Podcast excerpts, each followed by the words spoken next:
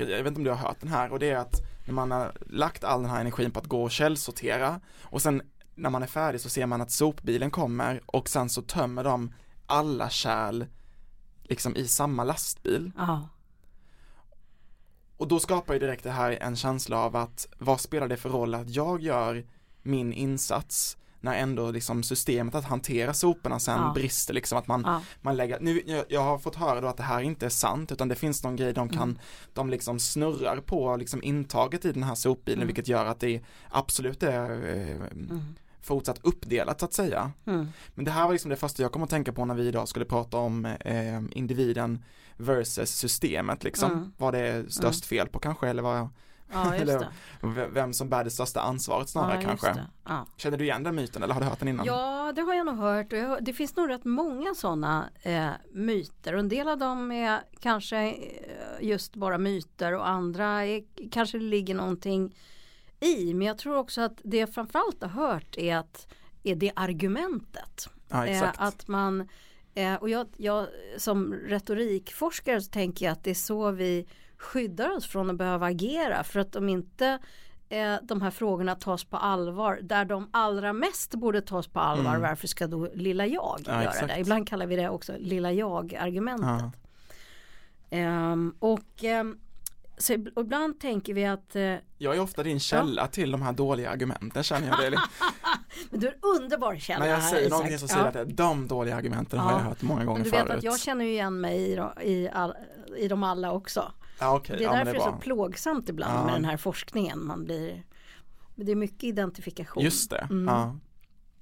Insikten av att man själv inte Nej, är men det är någon... ofta så att vi hör ehm, ehm, att man ställer individens handling mot systemet. Just det, Och, och, och, och, och då, då tänker man så här att nej, men det här är inte eh, det är, det är inte individerna som ska behöva lösa det Mm. här eller det är inte individerna som kan lösa det här utan det är en systemfråga. Och på ett sätt så eh, ligger det ju någonting i det som du slutar äta kött Isak eh, eh, eller, eller, eller eh, använder dina kläder tills de faller isär. Då gör inte det så himla stor skillnad eftersom Nej. du är bara en av väldigt många. Och de här Ja. lågpriskedjorna kommer ju fortsätta producera kläder och sen Ja. slänga dem snarare om inte jag Alltså, köper så, dem. så på, på ett sätt så, så, så stämmer det ju men samtidigt är det ju så här att att det spelar jättestor roll. Mm. Och för de, den ena rollen det spelar är ju att eh, väldigt stor del av utsläppen faktiskt kommer från individers val eller från hushållens val. Mm. Eh, eh, hushållens konsumtion. Det är drygt hälften av utsläppen i Sverige. Så att på sätt och vis är det så att vi individer eh, eh, ger upphov till rätt mycket utsläpp. Men ja, jag tycker ändå att faktiskt inte det är det bästa argumentet Nej. för att eh, eh, individen spelar roll. Det bästa argumentet för att individen spelar roll är att inga systemförändringar kommer till stånd utan att individer börjar röra på sig. Just det. Så det är det vi ska prata om idag alltså. Det är det vi ska Vad prata kan om vi idag. göra Mm. och vad kan vi överlåta till systemet? Och lite dåliga argument på det sen. Ja, och just några bra. några bra. Förhoppningsvis några Mm. bra.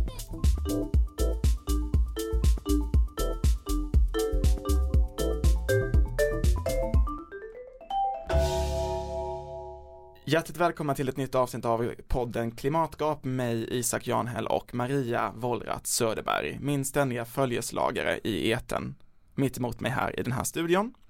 På behörigt avstånd såklart. Såklart. Vi håller oss till, till lag och regel, du och jag. Ja det gör vi. Ja, vi är ju inte bara eh, exemplariska när det kommer till vårt klimatarbete utan även när det kommer till vårt smittskyddsarbete. Absolut. Ja, ständigt och jämt. Mm. Ja. Hur mår du?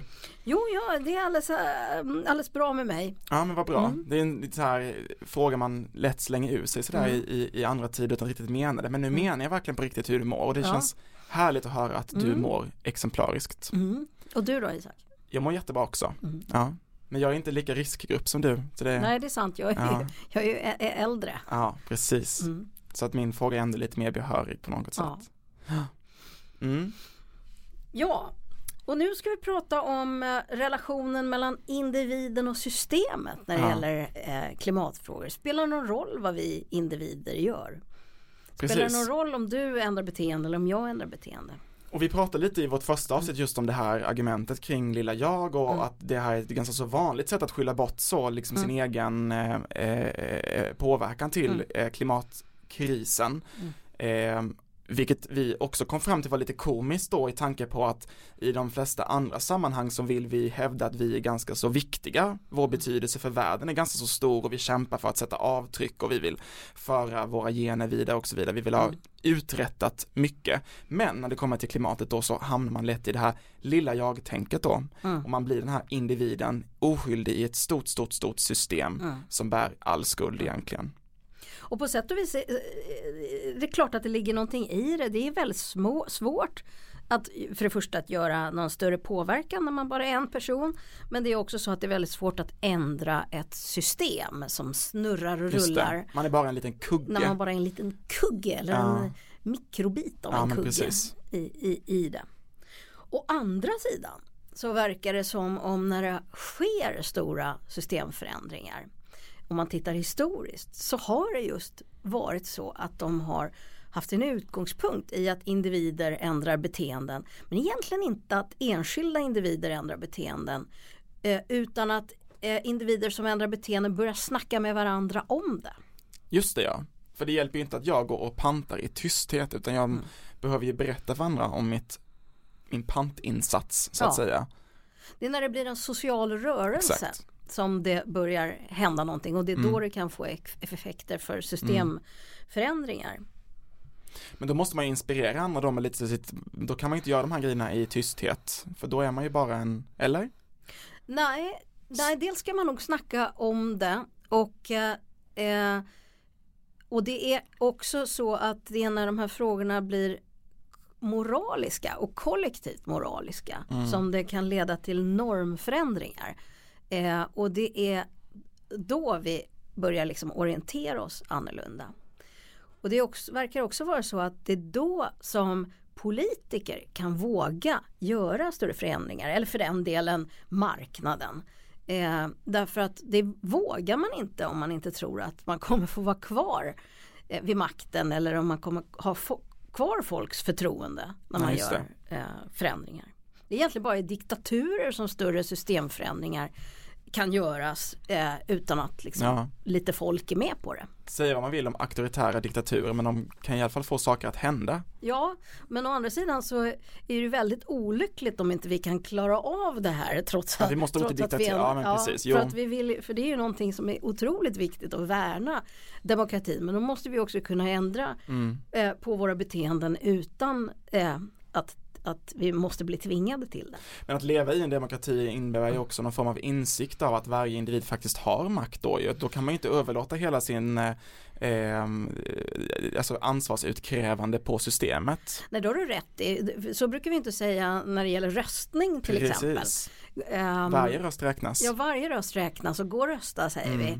Då säger man ju inte så här, nej men lilla jag, det spelar inte så stor Nej. roll. I alla fall inte Sverige, fast i och för sig, det finns ju kanske en del eh, miljöer där det är väldigt lågt röstdeltagande där man tänker just på det här sättet. Nordkorea. Kanske. Ja. Ja, så är det nog. Men du eh, Isak, detta Skojar. får mig faktiskt att associera till en, en spännande undersökning som gjordes i eh, Danmark. Berätta för mig Ja, det, Maria. handlade om, det handlade om röstning, inte alls om klimatfrågor. Men Eh, då tittar man på vad det var som fick människor att delta i, i val med sina röster och inte. Och eh, eh, studerade hur, samspelet mellan ehm, eh, och, och, och deras röstning och eh, deras eh, sociala sammanhang. Och då visar det sig att personer som är föräldrar till någon som ska gå och rösta eller personer som lever i ett partnerskap eller eh, i en familj. De går och röstar i mycket högre utsträckning än de som inte har en gemenskap som man gör det här tillsammans med. Eh, och till exempel så kunde man se att det, att, det, att det blev förändringar i folks benägenhet att rösta om de till exempel blev änkor eller skilde sig eller om barnen flyttade hemifrån. Så varför, varför var det så då? Ja, det spelar roll att man är i ett socialt sammanhang där man helt enkelt går och röstar. Där det har blivit en vana eller Mm. eh, eh, en praktik. Eh, så att, så att det ja, det har betydelse det sociala sammanhanget. Vi pratade mm. lite i förra avsnittet just om det här när, i sitt sorgearbete mm. att man ska göra det lite kollektivt och våga dela mm. med sig av sina jobbiga tankar och sina mm. känslor kring sina eh, klimatuppoffringar helt mm. enkelt. Och jag tänker lite på samma sätt när det kommer till att faktiskt då när man ska göra saker då, att liksom mm. aktivt att man behöver göra det tillsammans, att det behöver sprida ja. sig i någon form av, av eh, det är väl en norm också som ska till, liksom ett normförändrande. Ja. ja. Och det har visat sig att de, bland de mer framgångsrika eh, eh, initiativen för att generera liksom, beteendeförändringar som gäller eh, som har påverkan på klimatet, till exempel elförbrukning och sånt där. Eh, eh, så, så, så, är det just sådana här att stötta grupper som mm. ändrar beteende som har funkat bäst. Ibland kallas för eh, vad kallas det, deliberativa inklusiva processer, DIPS. Det är när man försöker liksom identifiera en grupp som tillsammans har en potential att röra sig åt ett visst håll och så försöker man mm. stötta mm. den gruppen. Det kan vara ett grannskap eller en fotbollsförening eller någonting sånt där. Okej, okay. så man ska liksom själv bli en del av det då för att skjuta fram sina positioner i sitt egna arbete eller? Ja. Eller på vilket sätt ska man stötta dem menar du? Nej men jag tänker på om, man, om, man, om en myndighet eller en, eller en eh, eh om en eh, organisation vill få människor att eh, spara vatten. Mm. Då kan det vara lättare att liksom eh, gå via en grannsamverkansgrupp eller på mm. något annat sätt. Någon sorts grupp där det finns en potential att det kan bli att det kan skapa samtal och, och, att man stöttar varandra på olika mm. sätt. Det är också så att det finns en mekanism i att vi jämför oss med varandra. Eh, det, det, var ett jättefestligt experiment från någonstans i, i Storbritannien tror jag i alla fall att det var. Där, som handlade just om elförbrukning och där man eh, där det visade sig att det kraftfullaste sättet att få folk att spara på el det var inte att eh, argumentera för klimatkrisens allvar eller informera om eh, eh, eh, vad elförbrukningen har för konsekvenser eller någonting sånt. Utan det var att folk fick veta hur mycket deras grannar hade sparat. Mm. Och då blev det en jäkla fart eh, ja, på Sparat på pengar granskar. då, inte sparat, sparat el. sparat el? Ja, ja, inte pengar. Och eh, um, en liknande mekanism har man använt sig av på hotell. Istället för att ha en skylt där det står så här snälla du använd, släng bara dina smutsiga handdukar på golvet eh, när de är riktigt skitiga eller försök använda dem flera gånger. Istället för att ha en sån skylt så talar man om eh, hur, hur lite handdukar den förre eh, som bodde i hotellrummet Just det, man vill inte vara värre än sin granne. Man vill inte vara värre än sin granne. Så de här sociala mekanismerna är väldigt viktiga. De är också mm. väldigt viktiga för när vi upprätthåller icke-handling. Alltså när vi, när vi eh, ska tala om för oss själva att det är okej okay att vi inte eh, ändrar beteende eller att vi gör klimatskadliga saker. Mm. Ja, ja. Är det här en förflyttning av att individen egentligen är systemet eller att snarare att individen är en grupp individer som är starkare än systemet eller? Nej men Ja, på ett sätt är det ju så att alla individer utgör samhället så att säga. Ja, men, vi är systemet helt enkelt. Ja, fast jag tror inte det är den mekanismen som verkar här. Men nu, är, nu, nu tänker jag högt här mest. Jag tänker att det är snarare. Du får mig tillåtelse att göra det. jag tänker att det snarare är så att, att vi skapar i våra samtal och diskussioner så skapar vi normer och en massa idéer om hur man ska vara som mm. människa. Och det att vi gör det eh, genererar liksom argument som man kan använda för att eh, eh, ändra beteende eller för att låta bli att ändra beteende. Mm. Och, och eh, eh, så att om en massa människor ehm, eh,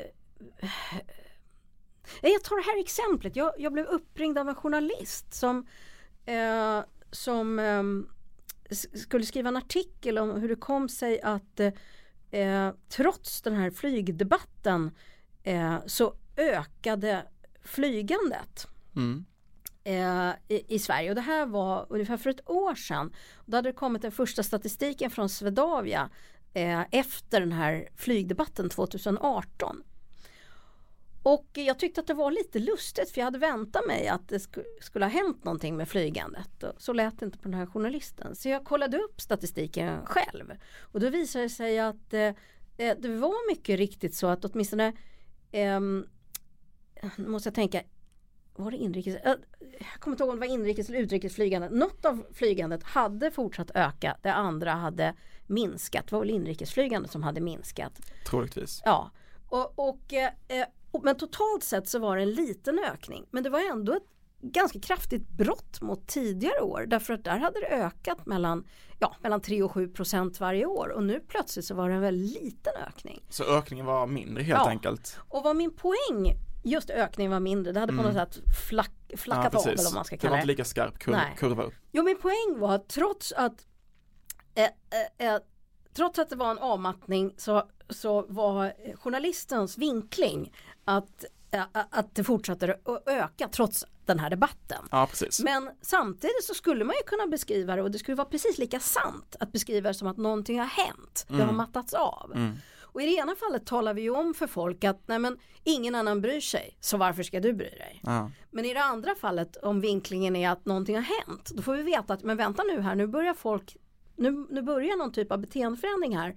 Eh, då kanske jag också ska ansluta. Så det är helt enkelt massa Mm. människor som har avstått från flyget och sen publiceras det då en artikel där det står att flyget fortsätter att öka och då blir känslan av att vad var det för mening? Uppenbarligen ingen annan då hela, Ja lite så Ja. kan det bli. precis. Ja. Så att, så att jag tror att det spelar väldigt, roll, väldigt stor roll vad vi fokuserar på. Mm. Vilket ju är lite absurt för här, den här podden heter ju Klimatgap. Den fokuserar ju på vår icke-handling. Vi kanske av rent eh, eh, vi kanske skulle egentligen fokusera på alla de som faktiskt ändrar beteende. Ja just det. Eh, för att det är någonting som ger mod och kraft till andra att göra det. Ja. Mm. Kan finnas en poäng att, att behålla samma namn Det dock. kan vara en poäng. Ja. Men jag förstår din poäng helt och hållet. Ja. Men jag tänker ändå så här, individen versus då eh, systemet. Vilka är det som bär det slutgiltiga ansvaret då? För du säger ändå att vi individer är inte en del av systemet, är ändå någonting helt annat. Jag tänker i mitt bostadsområde till exempel så kan jag välja att slänga mina eh, blandsopor eller hushållssopor som det heter precis eh, utanför min pott ungefär. Och vill jag källsortera så måste jag gå iväg ungefär eh, 500 meter, 600 meter någonting. Och det är ju en bit att gå liksom med alla de här, eh, så jag går inte varje dag med sopor, det kanske, man, ska- det är kanske det som är menat att man ska göra, men det, det gör jag inte. Eh, är det mig då det är fel på?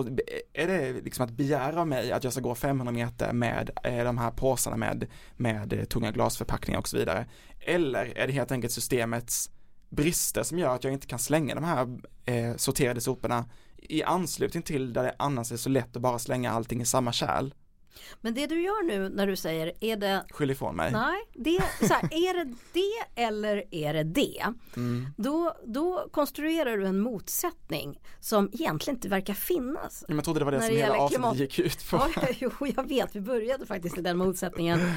Eh, Därför att vi så ofta pratar om det på det sättet. Och Mm. egentligen så tycker jag att det, eh, mina slutsatser efter den forskning jag satt mig in i är snarare att det är ett, ett väldigt intensivt samspel mellan de här nivåerna. Alltså det är, systemet kan inte ändras om inte folk ändrar på sig och folk ändrar inte på sig någon längre tid om inte också systemet ändrar på sig. Så att de här nivåerna liksom matar varandra. Okej. Men Och jag vill ha fattat något lite mer hönan eller ägget eh, svar här. som, som, som individ så kan ju inte du göra någonting annat än att du Nej. kan försöka påverka systemet. Vad kan jag göra? Ringa till Stockholms stad och klaga? Ja, du kan ringa till Stockholms stad, du kan källsortera själv. Ja, men då måste jag ju och, gå och så kan långt. du ringa, ja måste du gå Ja. långt och så kan du ringa till Stockholms stad. Och det är egentligen rätt mycket man kan göra. Det intressanta är att när man tittar närmare på det att det inte krävs så himla många för att det ska bli en förändring. Just det. Eh, och det tror, för man skulle ju kunna tänka sig att ja, men det behövs 50% en majoritet i alla fall. Det verkar inte vara så. Dels finns det en del försök som har gjorts eh, om hur många som behövs för att liksom tippa eh, en, eh, en norm eh, eh, eller en praktik. Och, och ett, ett rätta, rätt kul exempel gjordes av, riggades som en sorts liksom spel av eh, några eh, forskare med Damon Santola tror jag heter han i, i spetsen. Och, och det gick det ut på att man skulle mm, jag tror att det var ungefär 200 pers eh, som skulle komma överens om ett namn. De fick bilder på olika ansikten som skulle komma överens om ett namn. Om de lyckades komma överens då fick de 10 cent. Okej. Och eh, till slut efter att ha gjort det här många vändor så blev de himla bra på att komma överens om ett namn. Eh, men då stoppade de in i försöket några eh, personer som liksom skulle störa det här.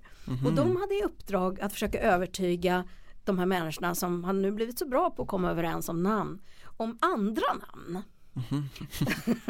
det här är ett lite lustigt försök. Ja, jag är, är lite spänd på vad det ska, ska leda Ja, någonstans. att ungefär 25 procent be- behövdes för att de skulle liksom tippa. Ja, okej, det blir Eh, tipping point, jag fattar. Ja, Mm. eh, eh, över till ett annat namn. Och det är ju väldigt mycket mindre än vad man Mm. hade tänkt sig.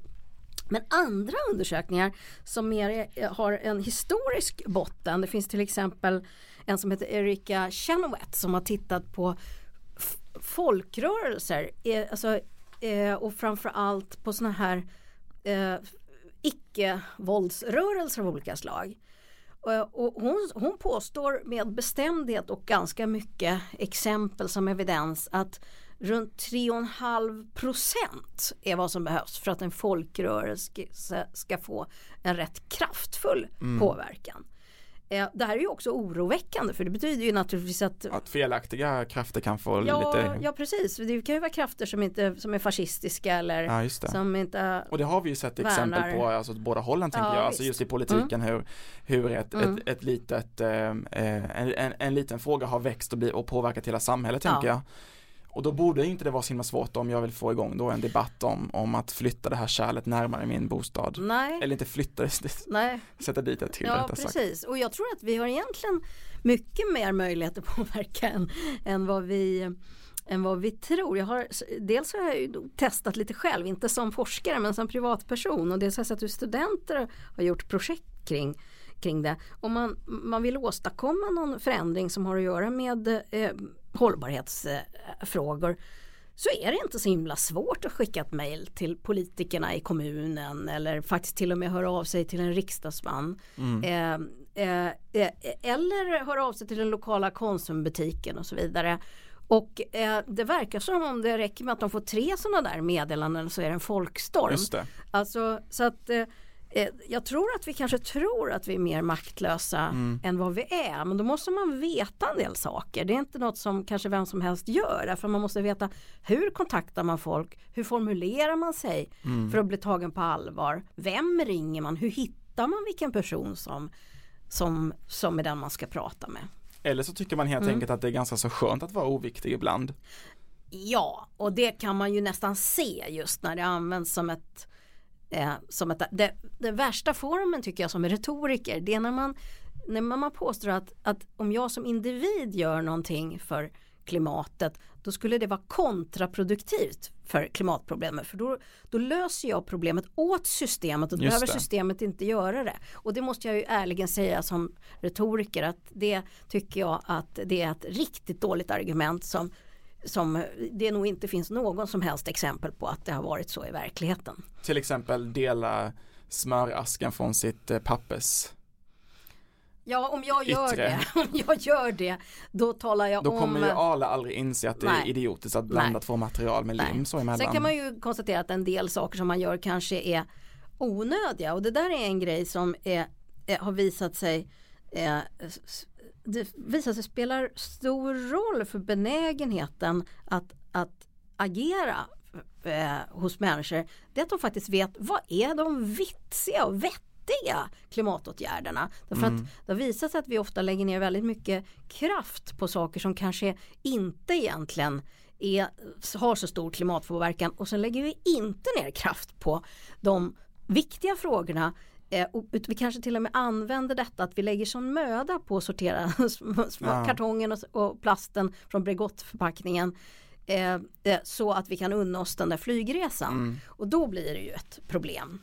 Eh, frågan är om det har med individ och kollektiv att göra. Ja, lite grann kanske det har med systemet att göra därför att, eh, för, för att myndigheter och företag och organisationer kanske behöver hjälpa oss med att förstå vilka grejer som spelar roll och, inte, och mindre roll.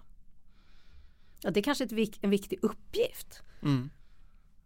Eh, jo men vad vad man ska göra som, eh, eh, som individ, ja men man kanske ska till exempel ta varje tillfälle i akt och, och prata om sådana här frågor. Kanske mer empatiskt än konfrontativt. Kanske vittna om, om eh, vad man själv tycker är svårt och funderar över så att man inbjuder till samtal.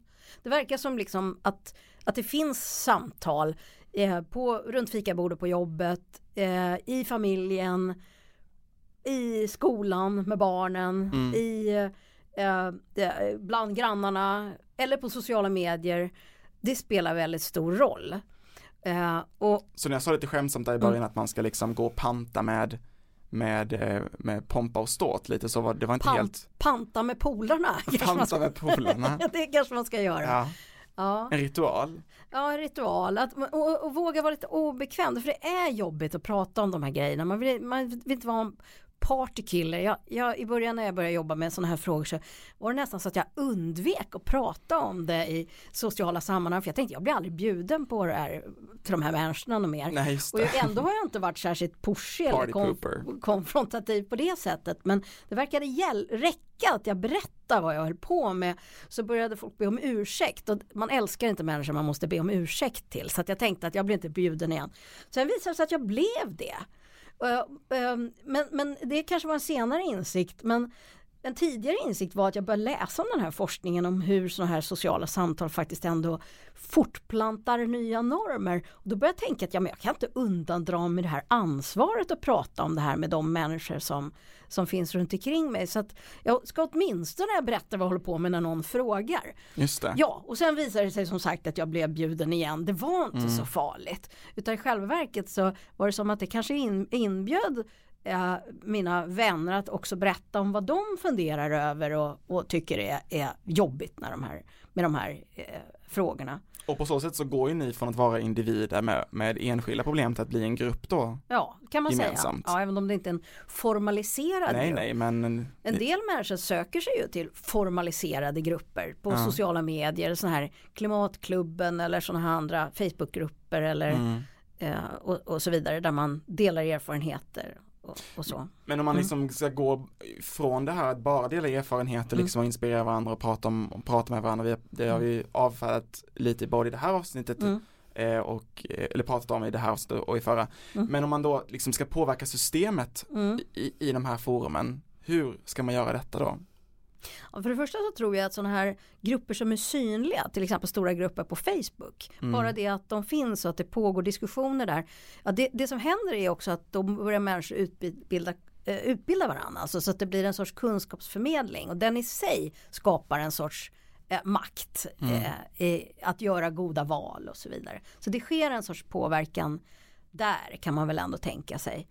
Ehm, eh, men sen får man väl också tänka att så de som har makt i ett system, alltså Mm. då tänker jag på ja, men politiker, eh, eh, människor med inflytande på myndigheter, Företag? ja, företag, vi som eh, jobbar på högskolor och utbildar folk, vi är ju också individer. Mm.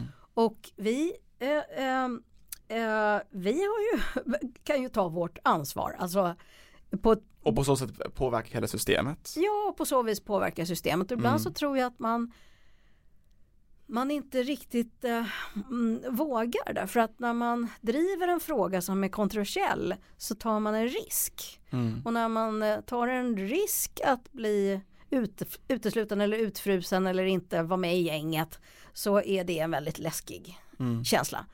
Eh, och, och där kanske det behövs lite mera mod också. Rent krasst är det ju så att som politiker eh, så är det inte så himla lätt att gå före om man inte kan lita på att man har folk med sig för då kanske man är utfrysen i nästa val. Ja. Så att det, det är inte så konstigt. Så att jag tänker faktiskt att vi individer har en jätteviktig roll på en massa olika Vi må- nivåer. Vi måste legitimera på något sätt att de här politikerna ska våga komma med jobbiga Ja, eh, restriktioner eller förändringar. Vi måste visa dem att vi är beredda på det, ja, för, beredda för det. ja, och inte minst med hur vi röstar såklart. Definitivt. Ja. Ja. Så det är inte dags att skrota demokratin Ja. för klimatets namn ännu då? Nej, det är det verkligen inte. Nej. Du, det slår mig att det finns en annan viktig dimension i det hela. Det är det förebildliga. Ehm, eh, det, det har visat sig att, att vi har de som ändrar beteende har ofta också, inte bara, men också inspirerats av människor som har gått före. Mm. Och, så det spelar roll att det finns människor som går före. I vår undersökning om folk som har slutat flyga, då är det väldigt många som nämner eh, någon person. Många nämner Kevin Anderson Mhm. som är klimatforskare i Uppsala som eh, eh, har eh, mycket tydligt deklarerat att han har slutat flyga. Och det, detta att han lever i enlighet med sin forskning det är någonting som många lyfter fram som ett, eh, ett, starkt argument för dem själva att, ändra beteende. Men tror du att det är så då att man som individ Mm. letar efter väldigt efter någon person eller någonting att följa? Att man inte som vill, man vill inte vara person nummer ett utan man vill vara person nummer två eller tre eller man vill vara del av den stora massan. Det är lite som att eh, gå först upp på dansgolv och våga vara den som är först med att dansa men det är kanske första det är två eller tre stycken personer som dansar på dansgolv som den stora massan av människor väller in och, och tycker det känns okej att vara en del av den gemensamma gruppen. Ja men det kanske kan vara så eh, att det är det som är som, som, som bryter isen så att säga. Ehm, så kanske det kan vara. Ja, Du känner inte igen min liknelse som på dansgolvet? Jo, jo, jo, jag tror att det är lite så. Vi har en spärr att vara först liksom. Ja, Ehm, men att, men att eh, ehm, jag tror också att det handlar om att man man ser att de där människorna har ju också ett liv. Det verkar också meningsfullt. ja Alltså, exakt. Så att, så att eh, jag tror att förebilderna kan också erbjuda en annan berättelse eller ett annat sätt att vara. Eh, så, och, och om man kan, det är faktiskt många som eh, i vår undersökning av folk som har ändrat beteende i klimatfrågor som, som säger att de har ändrat beteende för att de vill vara en förebild till exempel för sina barn. Just det. Eller några som är lärare som har sagt att de vill vara en förebild för att de är ju lärare och eh, de, de måste kunna stå för det de för, för sitt liv liksom inför de här skolbarnen. Eh, och den eh, dimensionen kanske är viktig för oss att vi vill vara, hänga, hänga samman som en vi behöver vi inte skämmas för oss själva inför andra. Om vi ska skicka med någonting till våra lyssnare just hur man Mm. går från att vara en obetydlig individ till att vara en fjärils vingslag. Vad är det Mm. absolut viktigaste man ska tänka på om man vill faktiskt vill att sin sopsortering inte bara ska bli en uppdelning av olika material utan man vill sprida en folkrörelse, göra förändringar, skapa nya normer. Ja men då tänker jag att det är för det första att ta reda på vad är det som är, har för, för beteendeförändringar som faktiskt verkligen har betydelse. Mm. Det behöver man veta. Och för det andra att eh, eh, vara lite kaxig och modig och skrytsam. Fast gärna, och nu låter det lite motsägelsefullt, på ett empatiskt vis. Så att, Mm. eh, för, man för, inte skrämmer bort någon. dryghet kommer man inte långt med. Nej. Eh, men och sen att, eh, att, att starta samtal om de här frågorna. Öppna, frågande, undrande samtal där man också berättar om sina egna funderingar och svagheter. Mm. Det tänker jag på. Sen tänker jag ju att eh, lite mm, empowerment, alltså att vi känner att vi vågar, om vi tycker någonting ring till, till politikerna i kommunen och, och, och, och, gå till, eh, eh, eh, till butiken och be att få prata med chefen. Eh, Hör av er om ni tycker att, om ni upptäcker en, eh, en, en, en, eh, att det är palmolja som inte är eh, hållbar i, i någon viss produkt som ni gillar. Hör av er till tillverkaren. Mm. Jag tror nog att det, eh, att det kan betyda mer än vad man tror. Komma ihåg helt enkelt att man är mycket, mycket mer än bara en liten, liten kugge i det här systemet då. Ja, och om det för äventyrs skull skulle vara några som faktiskt har en viss makt och inflytande på ett Mm. mer direkt vis på systemet Ja, som lyssnar på det här. den. Så använd den. Ja. Ja. precis. Ja, det tycker jag är. Det skickar vi med. Det skickar Ja. vi med. Ja.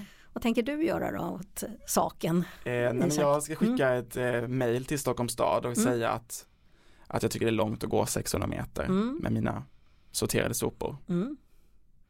Mm. Vi får se om det, jag återkommer i kommande avsnitt. Ja, det ska bli Men spännande vad som händer. Jag vill lägga till händer. att jag går alltså de här 600 meterna men jag Mm. tänker att det är, Mm. är kanske vissa som inte gör det. Ja, Ja, då fick jag säga det också. ja. Det, det, Det känns, känns som att jag måste avsluta varje vecka med att säga att jag är faktiskt ganska duktig. Ja, det, det, men jag tycker att du är Ja, duktig. tack. Ja. Mm. På återseende Maria, tack ja, för idag. tack för idag. Ja. Klimatgap producerades av Södertörns högskola. Exekutiv producent var Emelie Smedslund. Producent och tekniker var Ulf Larsson.